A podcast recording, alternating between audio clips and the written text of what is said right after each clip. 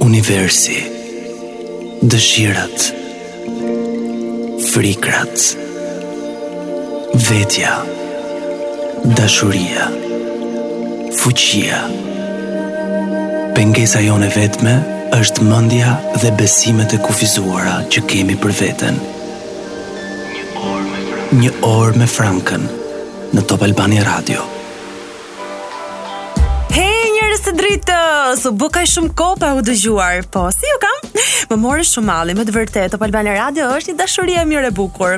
Uroj të jeni shumë mirë me shëndet dhe për ato që kanë disi probleme, ju them se frika është mendimi i vetëm që nuk duhet të keni në këto momente, pasi krijon stres dhe stresi tkurr qelizat dhe ato nuk marrin më oksigjen dhe oksigjeni është jeta dhe kështu ti e ke në dorë të mendosh mendime pozitive o njeri i mirë jepi jepi sepse njerëzimi po e praktikon çdo herë më shumë mendimin pozitiv prandaj le të themi disa afirmime më dëgjo shëndeti i plotë vjen drejt meje qelizat e mia mbushen me oksigjen dhe shërim sepse unë i mbroj me mendime pozitive unë bëhem shumë mirë sapo mendoj mirënjohje ndaj Zotit apo universit Dhe ndërkohë kalojmë tek emisioni, sepse tema e sotme është një material që shumë rrallë mund ta dëgjoni.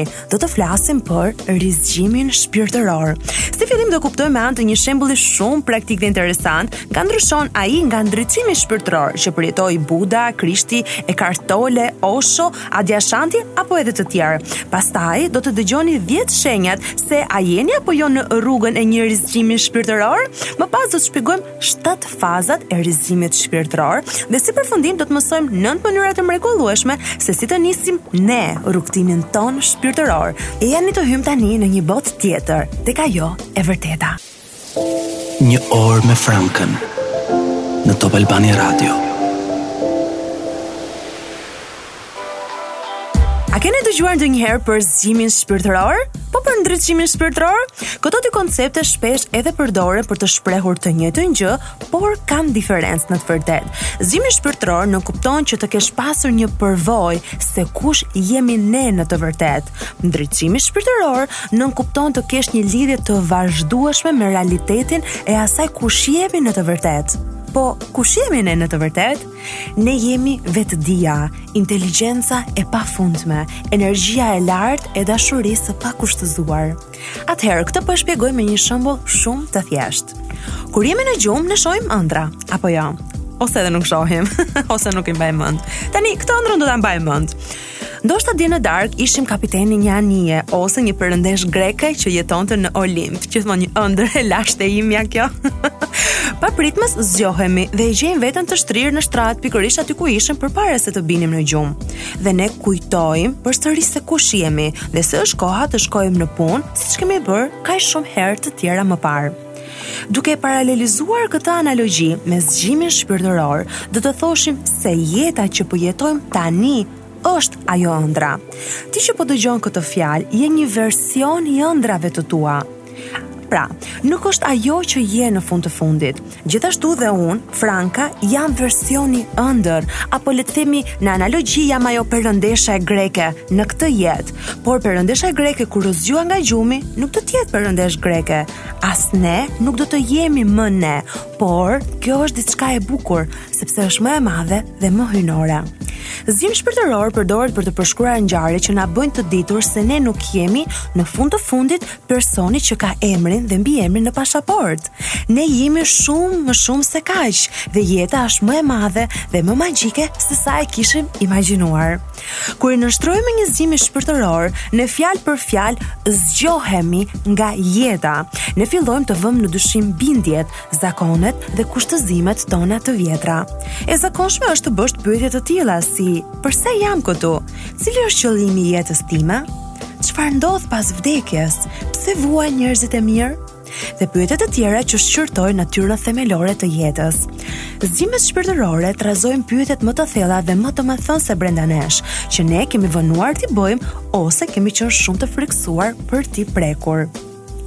Ndërsa i ndriçuar shpirtëror sipas fjalorit të Oxfordit bazuar në budizëm është gjendja e paqes dhe e lumturisë që një person arrin pasi heq dorë nga të gjitha dëshirat personale.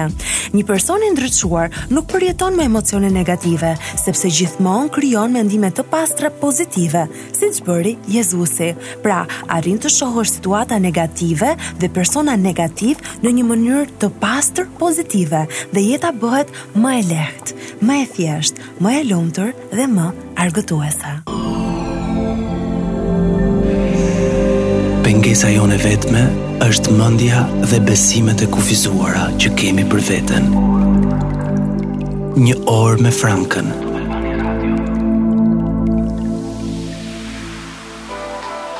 Mirë se erdhëm pra në pjesën e dytë të emisionit Një orë me Frankën që do ta dëgjoni çdo të hënë ora 21.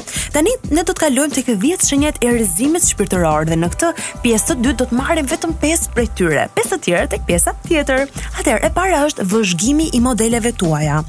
Një nga shenjat e para të zgjimit shpirtëror është vëzhgimi.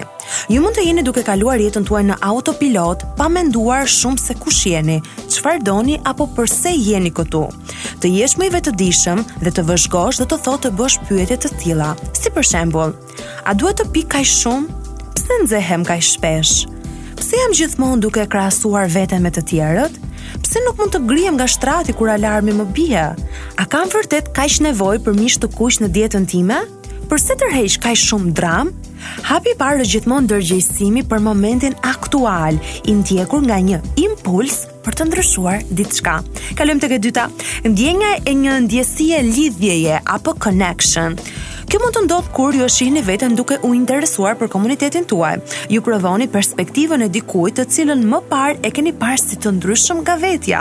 Ndoshta ju filloni të pyesni Përse njerëzit kanë tatuazhe në vend që t'i gjykoni ato?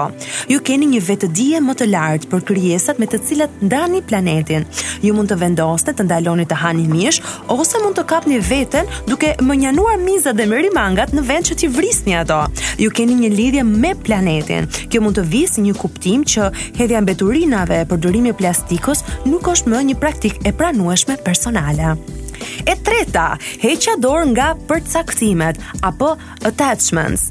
Pavarësisht nëse jeni të vetëdijshëm për këtë apo jo, ju keni attachments apo bashkëngjitje, le ta përkthejmë në shqip. Bashkëngjitjet janë mënyra se si ti e përcakton veten tënde. Ju mund ta përkufizoni veten nga makina që drejtoni, nga këpucët që vishni, çfarë hani, me kë kaloni kohën, për kë votoni, çfarë lexoni dhe si shpenzoni paratë tuaja. Por, edhe kur thoni, unë jam i zgjuar, unë jam vegan, unë bëj yoga, unë bëj meditim, unë nuk ha gluten, të gjitha këto janë përcaktime të egos. Pra, kur heqim dorë nga këto përcaktime, ne kalojmë në një nivel më lartë. E katërta, gjetja e paqes së brendshme. Ta mendojmë paqen e brendshme si të qëndrueshme. Kjo nuk do të thotë që gjërat nuk shkojnë keq në jetën tuaj, kjo thjesht do të thotë që kur gjërat shkojnë keq, ju nuk përfshiheni në emocione të zemërimit, zhgënjimit ose dëshpërimit. Dhe Dalai Lama na ka thënë një shembull shumë të mirë. Ai e përshkruan paqen e brendshme si duke dëmtuar gishtin e këmbës kur e kap aty te cepi që të dhemb në shpirt. ai ende e përjeton një ngarkesë emocionale, por ajo është e shpejtë, ikën dhe nuk ngec aty. Dhe e pesta është rritja e intuitës. A keni menduar ndonjëherë për një mik të vjetër nga shkolla e mesme vetëm duke u përplasur me të në aeroport të nesërmen? Apo ju ka rënë telefoni dhe e dini se ishte nëna juaj përpara se ta shikonit? A keni ndjerë ndonjëherë një mospëlqim të menjëhershëm dhe irracional për dikë ose keni provuar ndjenjën që tashmë e njihni kur takoni për herë të parë dikë të ri në jetën tuaj? Të gjitha këto janë shenja të intuitës, nëse mendimet, objektet dhe individët kanë të gjithë energji, qeniet njerëzore të zgjuara shpirtërisht duken më afër të lidhur me këto energji më rregullisht. Një orë me Frankën në Top Albania Radio. Dhe erdhëm në pjesën e tretë, ti që erdhe tani në Top Albania Radio, pse nuk erdhe më përpara? Bëj shaka. Këtu jemi në emisionin Një orë me Franka, të cilin e gjeni çdo të hënë ora 21. Tema që do të flasim sot është e rizgjimit shpirtëror. Tani do të kalojmë tek pesë shenjat e dyta për të kuptuar nëse jemi afër një rizgjimi shpirtëror. Atëherë, të kesh sinkronicitet. Në të njëjtën linjë me intuitën ekziston ajo ndjenjë se universi po komploton për të bërë diçka të ndodhë. Nëse një veprim i vetëm ka shkaktuar një zinxhir ngjarjesh që ndjehen si fat, ju thjesht mund të rizgjoheni. Tani ju them unë një histori të vërtetë nga eksperienca ime. Një ndjekëse ime në Instagram gjatë meditimit të saj i vjen mendimi se duhet të bashkëpunojë me mua. Ishte përpjekur disa herë të më shkruante, por i fshinte mesazhet, nuk kishte guxim. Një ditë unë bëj një story, më erdhi kështu paf, bëj një story Franka, ku unë pyes cili e ka ditëlindjen sot dhe kush e kishte ditëlindjen do thoni ju, pikërisht ajo. Dhe ajo më shkruan, unë e kam. Kisha vendosur se kush do ta kishte ditëlindjen do t'i bëja një story surprizë. dhe ia bëj. Mbas disa ditësh ajo hyn në live-in tim ku unë asokohe bëja programin Mirënjohja 28 ditor, falas mund të shkoni dhe ta gjeni. Më shkruan në live dhe më thotë dua të flas me ty dhe kishte vendosur të më jepte diçka që unë ia kisha kërkuar prej kohësh universit. dhe fol po deshe. E shtata, rritja e dhembshurisë tuaj. Ndjeshmëria është aftësia për të ndjerë atë që ndjejnë të tjerët, për të provuar një perspektivë të re, apo ajo që quhet në anglisht empatikët, empaths ose empatikët. Kjo do të thotë fjalë për fjalë, të vuash me të, të ndjehesh me personin. Njerëzit të cilët janë në procesin e një rizgjimi shpirtëror, fillojnë të vërejnë një ndjeshmëri më gjithëpërfshirëse dhe një dhembshuri më të orientuar drejt veprimit që ndihet normale, e natyrshme dhe e përmbushur. E teta, heqja e frikës nga vdekja. Një mësues i mençur, Barry Kaufman, dikur tha se e gjithë frika është me të vërtetë një frikë nga vdekja. E gjithë frika zvogëlohet përgjithësisht, ndërsa një individ zgjohet më shumë. Vdekja juaj vetjake duket më pak tragjike kur përqendroheni të jetoni në të tashmen dhe pushoni të shqetësoheni aq shumë për të ardhmen ose të pendoheni për të shkuarën. Kur vetëdia shihet se kapërcen një trup fizik, humbja e këtij trupi ndihet më pak tragjike, duke parë vdekjen si të pashmangshme si pjesë e procesit tuaj, lejon paqen dhe largon frikën. Dhe kalojmë tek shenja e 9, rritja e origjinalitetit. Me një zgjim shpirtëror vjen një rritje e vetëbesimit dhe një rritje e thellë e ndjenjës së vetëvlerësimit. Zhduket nevoja për t'u përshtatur me normat kulturore ose për të qëndruar politikisht korrekt. Në vend të kësaj, një ndjenjë e vërtetë e plotë kënaqësie me atë që je dhe zgjedhjet që ti bën rritet, vjen më shumë në koherencë Dhe shembull këtu kemi Jay Shetty dhe Eckhart Tolle, të dy në Instagram me miliona ndjekës. Akti i të qenit origjinal është një nga tiparet e tyre më tërheqëse. E dinë se nuk është detyra e tyre të kënaqin të tjerët apo të shmangin deklarimin e mendimeve jo popullore. Thjesht thonë atë se çfarë mendojnë nga shpirti dhe intuita e tyre. Dhe e fundit është lulëzimi. Njerëzit e zgjuar shpirtërisht kanë një nivel të mirëqenies që duket të jetë më i qëndrueshëm. Ju e dini që ekziston një lidhje mendje-trup, e cila përkthehet se njerëzit që janë më të lumtur janë gjithashtu më të shëndetshëm. Sonja Lubomirski, një kërkuese shkencore, gjeti një lidhje të thellë midis lumturisë dhe suksesit në fusha të ndryshme jetësore, duke përfshirë martesën, miqësinë, të ardhurat, performancën e punës dhe shëndetin. Në shkencë, kjo njihet si lulëzim. Pra, sa më të lumtur, sa më shumë paqe brenda shpirtit, aq më shumë manifestojmë sukses dhe bollëk në të gjitha fushat e jetës. Një orë me Frankën në Top Albania Radio. Hej, hej, hej, e Erdo në Top Albania Radio në emisionin Një orë me Frankën, çdo të hënë ora 21. Dhe tani jemi në pjesën e 4 të para fundit të këtij emisioni. Po flasim për zgjimin shpirtëror, i cili kalon në 4 faza. Bëhuni gati të gjeni veten me shumë mundësi në ndonjërën prej këtyre fazave. E para, Nata e errët e shpirtit. Uh, kjo është një kohë e konfuzionit, shkëputjes, tjetërsimit, depresionit dhe pakënaqësisë së madhe me jetën. Ju po kërkoni diçka, por nuk e dini se çfarë. Brenda jush ekziston një zbrazëti e madhe. Kjo fazë ose vjen spontanisht ose për shkak të një krize jetësore, për shembull, ndarja, divorci, vdekja, trauma, apo edhe sëmundje. Faza e dytë, zhvendosja e perspektivave. Ju filloni ta perceptoni realitetin në një mënyrë tjetër. Në këtë fazë ju filloni të shihni përmes gënjeshtrave dhe mashtrimeve të përhapura nga shoqëria. Ju ndiheni të pakënaqur me jetën, të shqetësuar nga vuajtjet që shihni dhe për sëmundjet e botës.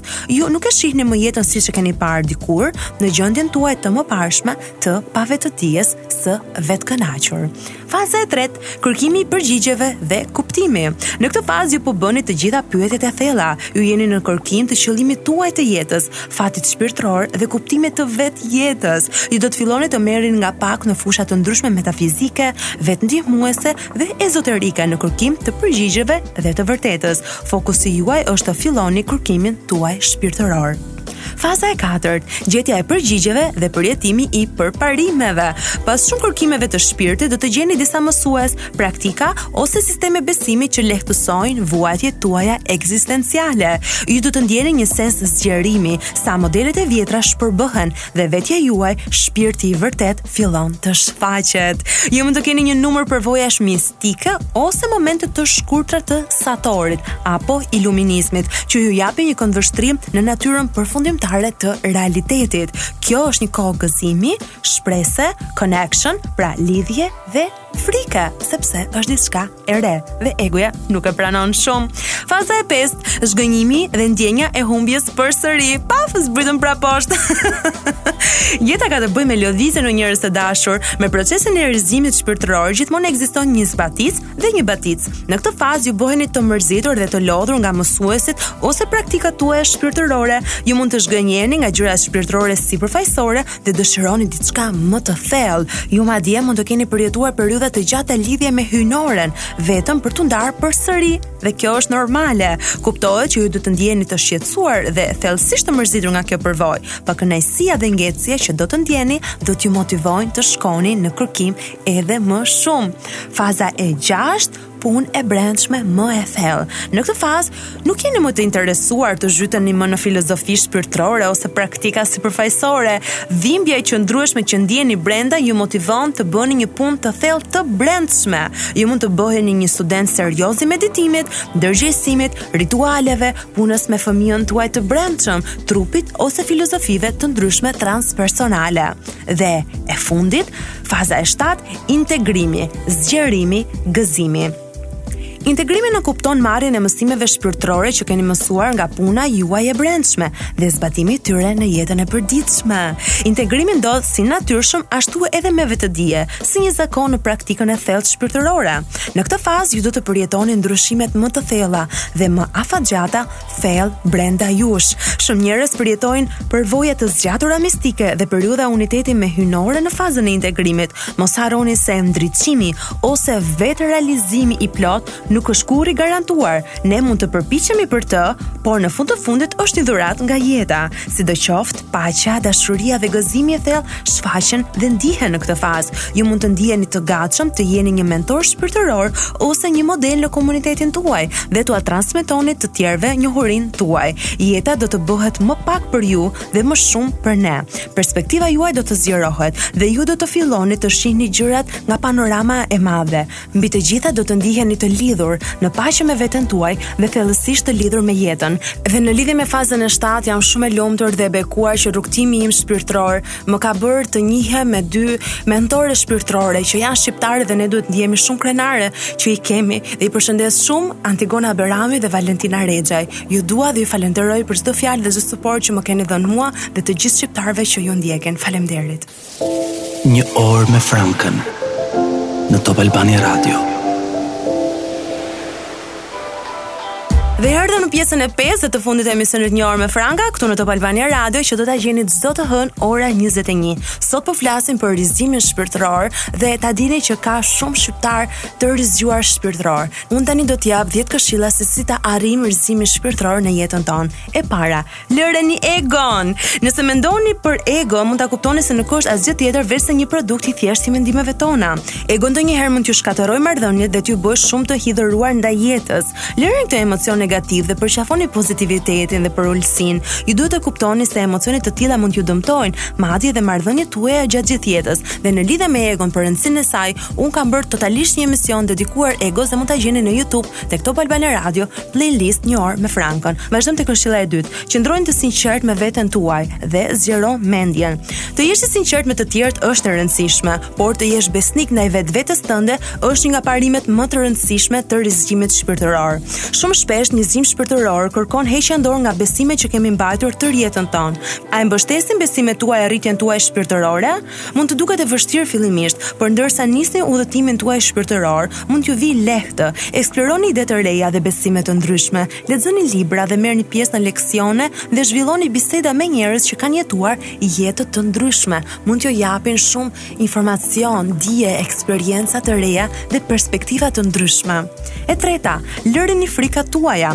Shpesh ndihemi të frikësuar për të ndërmarrë diçka për shkak të frikës tonë. Ju duhet të përqafoni frikën në vend që ta lini atë t'ju bëjë të ndiheni të ulët dhe të paralizuar për të mos marrë asnjë veprim të ri. Frika është iluzion. Në momentin që ne atë e kalojmë, e marrim hapin, e shohim në sy, do kuptojmë se mund të bëjmë çdo gjë që kishim dashur në krye të herës të bënim. Njerëzit e ndriçuar shpirtërisht nuk lejojnë që frika e tyre të ndikojë tek ata dhe ata bëjnë gjithçka që ju thotë zemra apo intuita. E katërta, Mësoni të falni. Zot, sa e rëndësishme është kjo. Ju mund të ndiheni të lënduar kur njerëzit nuk i përmbushin pritshmëritë tuaja dhe mund t'i konsideroni ata përgjegjës për dëshpërimin tuaj. Sidoqoftë, mosfalja e njerëzve dhe mbajtja e inateve ndaj tyre mund t'ju dëmtojë më shumë se kushdo tjetër. Bëni paqe me të tjerët dhe me veten tuaj. Falni të tjerët dhe harroni gjithashtu, por mbi të gjitha, falni veten. Çdo gjë nis nga vetja. E pesta, shkëputuni nga gjërat e botës. Gjërat mund t'ju japin lumturi të përkohshme, prandaj sa më shpejt të bëni paqe me faktin se këto gjëra nuk mund t'ju japin lumturi, aq më afër do të jeni me ndriçimin shpirtëror. Sidoqoftë, shkëputja nga gjërat e kësaj bote sigurisht nuk do të thotë të jetosh një jetë solidariteti, do të thotë të mos jesh i varur nga gjërat materiale për lumturi, ama siç e besoj unë plotësisht, ta kërkosh, ta kërkosh edhe materialen, sepse në fund fundit kjo botë i ka të dyja. dhe shpirtëroren dhe materialen. Kalojmë tek e gjashta. Meditoni njerëz të dritës dhe bëni yoga. Për një kohë shumë të gjatë njerëzit kanë provuar meditimin për të arritur rizgjimin apo edhe ndriçimin shpirtëror. Në fund fundit Buda arriti ndriçimin e tij shpirtëror duke medituar poshtë një peme. Meditimi është një mënyrë e shkëlqyeshme për t'u larguar nga bota dhe për t'u bërë më i vetëdijshëm. Yoga na ndihmon jo vetëm për trupin, por edhe për të pastruar energjinë e bllokuar të çakrave dhe rrit qetësinë mendore. E teta, Pelegrinazhet, lutjet dhe eksplorimi i natyrës. Kur luteni ose vizitoni vende fetare, ju e transportoni veten në një gjendje medituese fizike, e cila mund t'ju ndihmojë të lidheni me veten e brendshme dhe shpirtin tuaj. Merrni kohë për t'u lidhur me natyrën, madje edhe në qytetet e mëdha. Ju mund të gjeni një pemë për të prekur, kopshte për të admiruar, Ajër të pastër për të marrë frymë. Largohuni nga telefoni, sepse mund të habiteni nga ajo që është e gjallë përreth jush. Dhe kam një këshillë shumë praktike. Unë shkoj shpesh nga liqeni dhe madje ajo çfarë më bën përshtypje është se ka njerëz që janë në mes të natyrës dhe rrinë tërë kohën me celular. Bëji një dhuratë, bëji një nder vetes tënde. Fute celularin në çantë, fute në xhep dhe mos e hap për një orë. Thjesht bëj shëtitje ti me veten, natyrën dhe universin. Dhe e nënta e fundit, mëso të duash dhe të kujdesesh për veten o njeri i dritës. Dashuria është ndjenja më e fuqishme në botë dhe besohet nga shumë udhëheqës shpirtërorë se nuk ka asgjë në këtë botë që nuk mund të arrihet përmes fuqisë së vërtetë të dashurisë. Ju duhet të praktikoni dashurinë për veten, të doni njerëzit e afërt, të doni natyrën që ju rrethon. Dashuria lind ndjenja të forta qetësie dhe paqeje, duke ju ndihmuar kështu të arrini rizgjimin shpirtëror, kur lejojmë që sistemet tona të brendshme, fizike, mendore, emocionale dhe shpirtërore të bllokohen dhe të mbyten nga letargjia dhe substancat e panatyrshme, ne bllokojmë mundësinë për rritje shpirtërore dhe rizgjim përfundimtar. Pra njeri i dashur Duaje veten, thuaja vetes ditë për ditë përpara pasqyrës, të dua, të dua, të dua, të dua dhe të pranoj, kështu siç je, të paktën 100 herë. Do më falenderoni. Hej njerëz të dritës, erdhëm në fund të emisionit një orë me Frankon. Ishte me të vërtetë një emision shumë i zgjeruar, i thelluar, Për sa i përket rizgjimit shpirtëror, nëse nuk e keni ndjekur dhe jeni tani në valët e Top Albania Radios, mund ta ndiqni në YouTube. Top Albania Radio Playlist, aty janë të gjitha emisionet e Topit dhe mund të më gjeni dhe mua një orë me Frankon. Ky është episodi numër 9. Po ju që më dëgjuat, si mendoni nga gjithë ky informacion e keni nisur rrugtimin shpirtëror apo u frymëzuat të kërkoni më shumë rreth kësaj teme? Uroj që po, sepse nga eksperienca personale në këtë rrugtim shpirtëror, dua të them se nga aty vjen forca dhe dashuria e vërtetë dhe ka qenë faktori kryesor i cili ka ndikuar që unë të rikrijoj një person dhe një vete komplet të re. E mbyllim siç e kemi zakon emisionin me tre quotes. Quotes i parë vjen nga një person LJ Vanier, po mua më pëlqeu shumë se çfarë kishte thënë, kështu që po e ndaj me ju. Rizgjimi është që më në fund të kuptosh që ti je pjesë e Zotit, siç një qelizë e vetme shikon që është pjesë e jotja. Dhe e dyta është nga Nikki Rowe, ka thënë: "Ti mëson se kush je, duke çmësuar çfarë të kanë thënë. Kjo ka aq shumë rëndësi, ka lidhje me bindjet e programuara që kemi marrë nga të tjerët." Dhe e fundit nga Gabrielle Bernstein, që është shumë e njohur në rizgjimin e saj shpirtëror, ajo thotë: "Tashmë jemi në një pozicionim të veçantë dhe të fuqishëm, sepse bota po përjeton një rizgjim shpirtëror dhe me të vërtetë unë që e ndjek këtë fushë, po ndodh një ndryshim i madh. Është rizgjimi i madh shpirtëror i njerëzimit, arritja e paqes, arritja e parajsës, e një realiteti të ri, e asaj se në fund të fundit çfarë jemi në të vërtetë. Ne jemi energjia, ne jemi një vetëdi e lartë, më e madhe se mendimet tona. Egoja, mendja na është dhënë si instrument që ne të arrijmë çfarë duam ne të arrijmë, sepse Zoti na do shumë dhe ka thënë, arri çdo gjë, kërko dhe do të kesh. Ne jemi krijues të fatit tonë, ne nuk jemi viktima, ne jemi sovrani në jetën tonë. Mm? Uroj shumë njerëz të dritës të jeni kënaqur me këtë emision, t'ju ketë dhënë qetësi, t'ju ketë dhënë frymëzim dhe dije. E rëndësishme dhe qëllimi im është rritja e një vetëdije, një frymëzimi dhe një motivimi të masave në një nivel akoma edhe më të lartë, siç e bëj për veten time, Dua të jap, sepse kur je i mbushur vetë, e vetmja gjë që të vjen natyrshëm të bësh është të japësh, të japësh, të japësh për të tjerët. Ky ishte episodi i 9 dhe mund ta gjeni në YouTube siç e thashë pari tek Top Albania Radio. Ndërsa mua më keni ditë për ditë në Instagram nëse ju pëlqeva ndopak. Me këshilla për zhvillimin personal dhe shumë e shumë më shumë. Njerëz të dritës, ju dërgoj shumë dashuri, dritë, bekime dhe paqe. Dritësoni çdo sekond.